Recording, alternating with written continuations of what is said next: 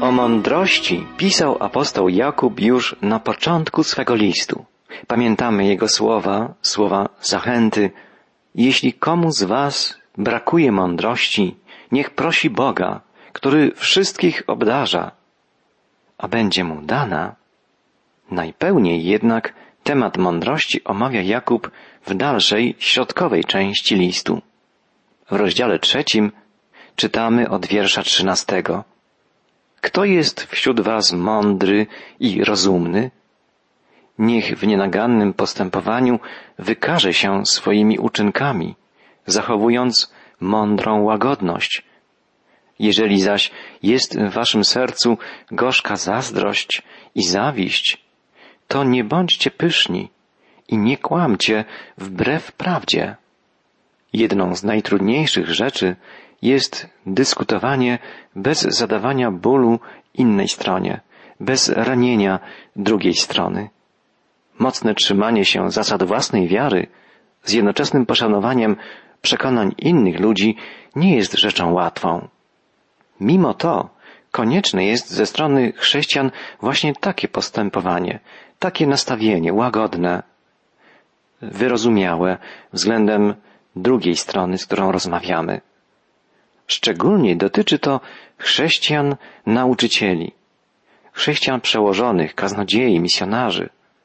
Apostoł Jakub pisze o czterech cechach niewłaściwego nauczania i dyskutowania. Po pierwsze, takie niewłaściwe nauczanie, niewłaściwa rozmowa cechuje się fanatyzmem. Przekazywanej prawdzie towarzyszy niezrównoważona gwałtowność, a nie uzasadnione przekonywanie.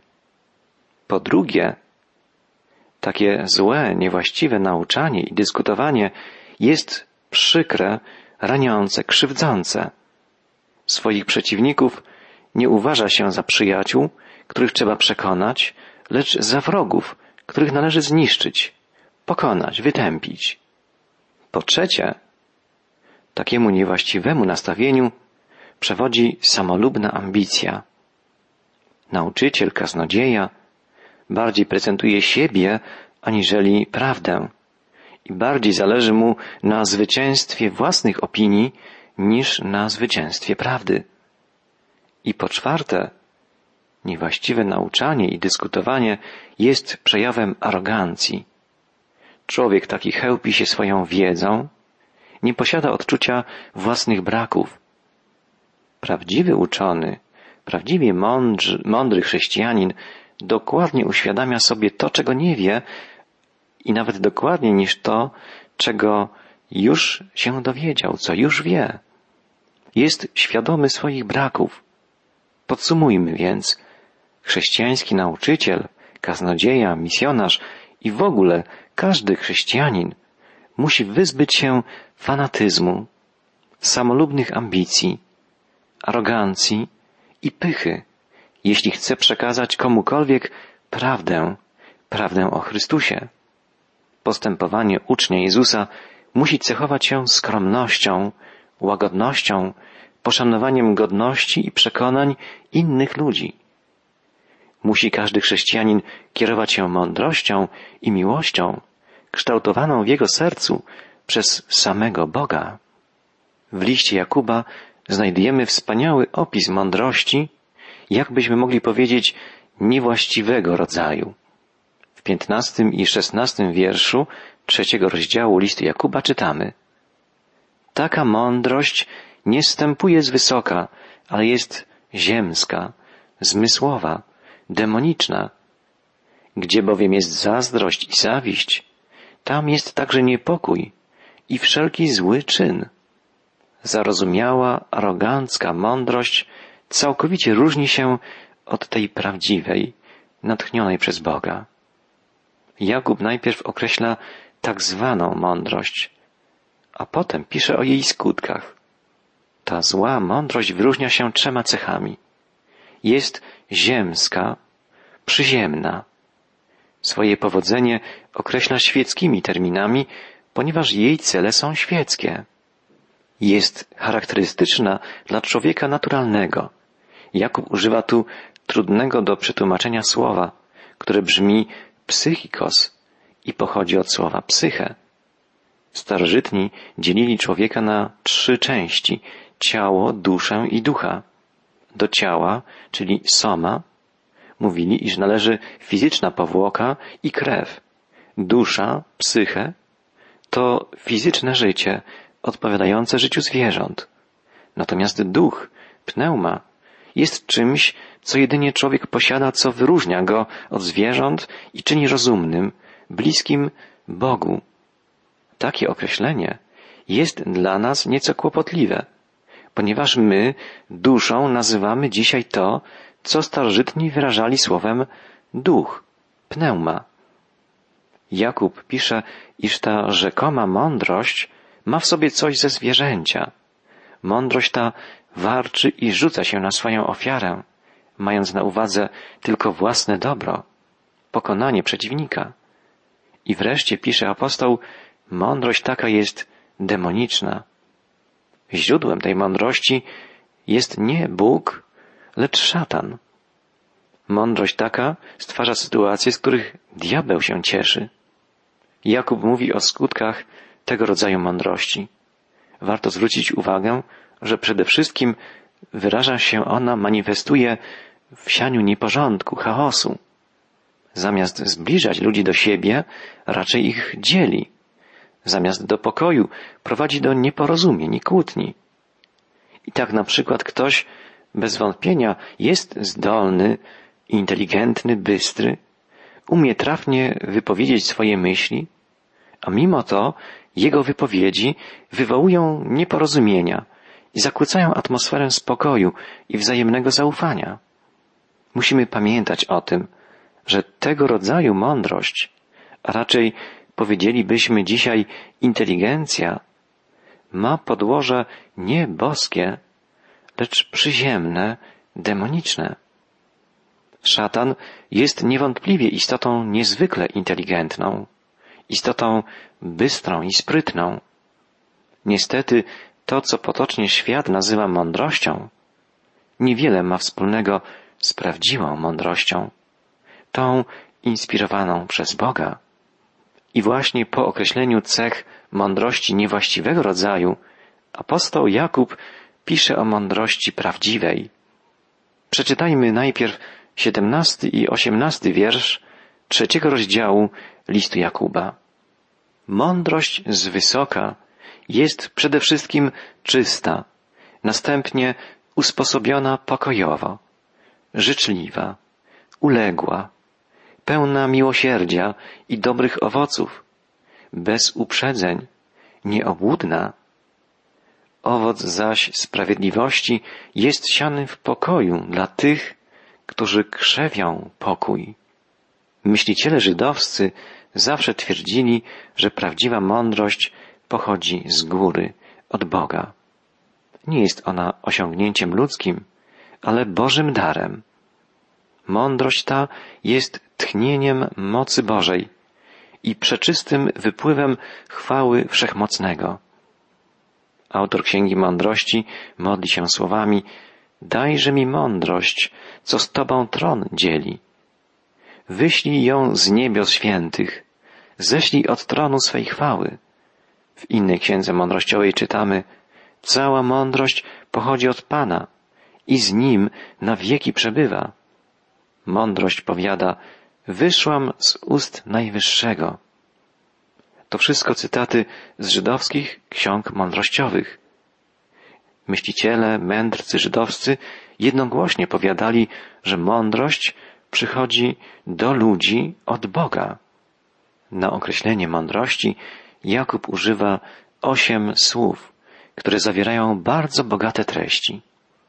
Po pierwsze, prawdziwa mądrość jest, jak pisze apostoł Jakub, czysta. W oryginale listu znajduje się tu greckie słowo hagnos. Oznacza ono czysty. Stosowano je szczególnie w odniesieniu do kogoś, kto miał zbliżać się do Boga. Na początku wyrażenie to miało jedynie ceremonialne znaczenie, gdy chodziło o rytualne oczyszczenie. Na przykład jeden z bohaterów Eurypidesa greckiego wielkiego dramaturga, powiada tak. Moje ręce są czyste, ale nie serce. W tym okresie słowo hagnos oznaczało rytualną, ale niekoniecznie moralną czystość. Jednak z czasem, ze słowem tym, zaczęto łączyć czystość moralną, wewnętrzną, która umożliwiała zbliżenie się do bóstwa. Nad wejściem do świątyni Eskulapa w Epidaurus widniał napis Wchodzący do boskiej świątyni musi być czysty, hagnos. Czystość polega na tym, aby mieć umysł posiadający święte myśli. Prawdziwa mądrość jest tak oczyszczona od niskich i egoistycznych motywów, że umożliwia ujrzenie Boga, zbliżenie się do Boga. Mądrość w ujęciu świeckim może unikać oblicza Bożego. Prawdziwa mądrość potrafi sprostać Bożym wymaganiom. Tak nauczali już Grecy. Myśl ta była też bliska myślicielom żydowskim. Apostoł Jakub podkreśla na wstępie, mądrość, która jest z góry, jest przede wszystkim czysta. Jest to pierwsza i podstawowa cecha prawdziwej mądrości. Może ją posiąść tylko ten, kto z czystym sercem przyjmie ją jako dar przychodzący od Boga. Prawdziwa mądrość pochodząca od Boga jest czysta, następnie miłująca pokój i łagodna, pisze apostoł Jakub. W greckim oryginale listu pojawiają się tu słowa eirenikos i epieikes. To bardzo ciekawe określenia. A więc po pierwsze, prawdziwa mądrość jest eirenikos. Słowo to zostało przetłumaczone jako miłująca pokój, ale ma ono nieco inne znaczenie. Eirene znaczy pokój, a eirenikos w odniesieniu do ludzi oznacza dobre relacje, dobre stosunki wzajemne i właściwą postawę człowieka względem Boga. Prawdziwa mądrość wpływa na poprawę wzajemnych stosunków, wzajemnych relacji pomiędzy ludźmi i pomiędzy człowiekiem i Bogiem. Zbyt przebiegła i arogancka mądrość raczej dzieli ludzi między sobą, gdyż skłania ich do patrzenia na siebie z góry, do wzajemnego lekceważenia i pogardzania sobą. Okrutna mądrość nawet cieszy się, zadając ból innym ostrymi, ciętymi słowami. Jest też mądrość zepsuta, która usiłuje do, odprowadzić ludzi od wierności Bogu. Jednak prawdziwa mądrość zbliża ludzi do siebie i do Boga. Prawdziwa mądrość jest też epieikes. Jest to chyba najtrudniejsze do przetłumaczenia greckie słowo w tym fragmencie listu. Arystoteles określił je jako to, co jest poza pisanym prawem, jako sprawiedliwość i coś jeszcze więcej niż sprawiedliwość. Epieikes to coś, co wkracza wtedy, kiedy samo prawo staje się niesprawiedliwe. Epieikes cechuje człowieka, który wie, kiedy ścisłe zastosowanie litery prawa staje się niesprawiedliwe. Wie on, kiedy należy przebaczyć, chociaż prawo umożliwia mu wydanie potępiającego wyroku i dokonanie zemsty. Człowiek taki jest tolerancyjny, nie domaga się należnych sobie uprawnień, umie łączyć miłosierdzie ze sprawiedliwością. Zawsze pamięta o tym, że prócz zasad i postanowień istnieją w tym świecie większe rzeczy, ważniejsze. Trudno jest znaleźć odpowiednie słowo, które właściwie określałoby tę cechę mądrości. Prawdziwa mądrość jest epieikes. Jest to coś więcej niż sprawiedliwa mądrość. Potrafi wyjść ponad literę prawa. W naszych przekładach ta cecha określona jest jako łagodność lub jako umiarkowanie, jako umiejętność okazywania wobec innych takiej wyrozumiałości, jakiej życzyłoby się sobie samemu ze strony innych. Jest to mądrość więcej niż sprawiedliwa. Wykracza ponad literę prawa, umie przebaczać, umie okazać miłosierdzie. Jest to postawa człowieka, który jest mądry, przez to, że jest inspirowany przez mądrego, miłującego Boga, Stwórcy i Zbawiciela. Prawdziwa mądrość jest więc czysta, miłująca pokój, sprawiedliwa, jeszcze więcej niż sprawiedliwa, łagodna. O tych cechach mądrości wymienionych przez Jakuba mówiliśmy już do tej pory. A dalej czytamy, że prawdziwa mądrość jest też ustępliwa, pełna miłosierdzia i dobrych owoców, niestronnicza, nieobłudna. W oryginalnym tekście listu na określenie tych czterech kolejnych cech mądrości pojawiają się kolejne cztery greckie słowa, bardzo niezwykłe. Pierwszym z nich jest słowo eupeites. Słowo to ma dwa znaczenia. Eupeites może oznaczać gotowość do posłuszeństwa. Jeżeli słowu temu przypiszemy to znaczenie, to prawdziwie mądrym człowiekiem określa ono tego, kto zawsze jest gotów usłuchać głosu Boga. Eupeites może również znaczyć łatwy do przekonywania, nie w znaczeniu miękki, słaby, lecz nieuparty i chętny do słuchania argumentów strony przeciwnej. Skoro słowo to występuje po eupeikes, najprawdopodobniej posiada ono to drugie znaczenie. Prawdziwa mądrość nie jest sztywna, surowa, lecz chętna do słuchania i umiejąca przyznać rację prawdzie. Następne dwa wyrażenia omówimy wspólnie. Prawdziwa mądrość jest określona jako pełna miłosierdzia, eleos i dobrych owoców. Eleos otrzymało nowe znaczenie w chrześcijańskiej myśli. Grecy określali tym słowem litość dla człowieka cierpiącego niewinnie. Chrześcijaństwo nadało temu wyrażeniu daleko większe znaczenie. Eleos w chrześcijańskim ujęciu jest współczuciem wobec człowieka cierpiącego i to niezależnie od tego, czy cierpi on z powodu własnej winy, czy nie. Chrześcijańska litość jest odbiciem miłosierdzia Bożego. Boża litość, Boże miłosierdzie przybliża się nie tylko do ludzi cierpiących niesprawiedliwie, ale i do cierpiących z powodu swoich własnych występków. Człowiekowi przeżywającemu trudności skłonni jesteśmy powiedzieć, to Twoja wina, sam jesteś sobie winien. I dlatego nie czujemy wobec niego żadnej odpowiedzialności. Chrześcijańskie miłosierdzie jest miłosierdziem wobec każdego człowieka, który znalazł się w kłopotach, nawet z powodu własnej winy. W chrześcijaństwie słowo eleos jest miłosierdziem wyrażonym w postaci dobrych owoców, to znaczy w postaci praktycznej pomocy. Chrześcijańskie miłosierdzie nie jest tylko uczuciem, jest to działanie. Jak długo nie okażemy komuś praktycznej pomocy, tak długo nie możemy powiedzieć, że naprawdę mu współczujemy. Dalej, prawdziwa mądrość jest też adriakritos, czyli niepodzielna. Nie jest ona niezdecydowana czy chwiejna. Niektórzy brak określonego zdania na pewien temat poczytują sobie za roztropność.